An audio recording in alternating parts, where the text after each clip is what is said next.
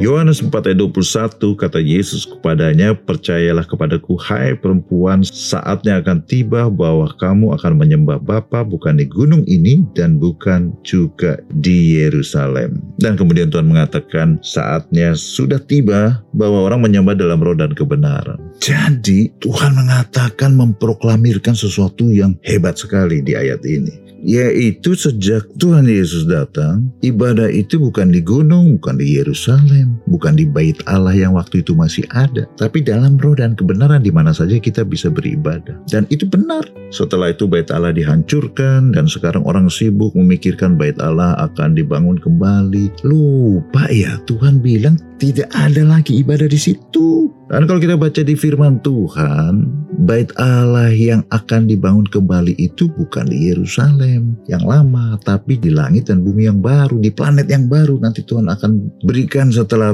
langit dan bumi yang lama ini binasa. Jadi tentu saja boleh kita pergi ke Yerusalem untuk bersiarah. Tapi jangan terlalu pusing dengan bait Allah, kapan dibangun, dan mengharapkan hal-hal yang mistik terjadi kalau kita lewat dekat uh, tempat itu.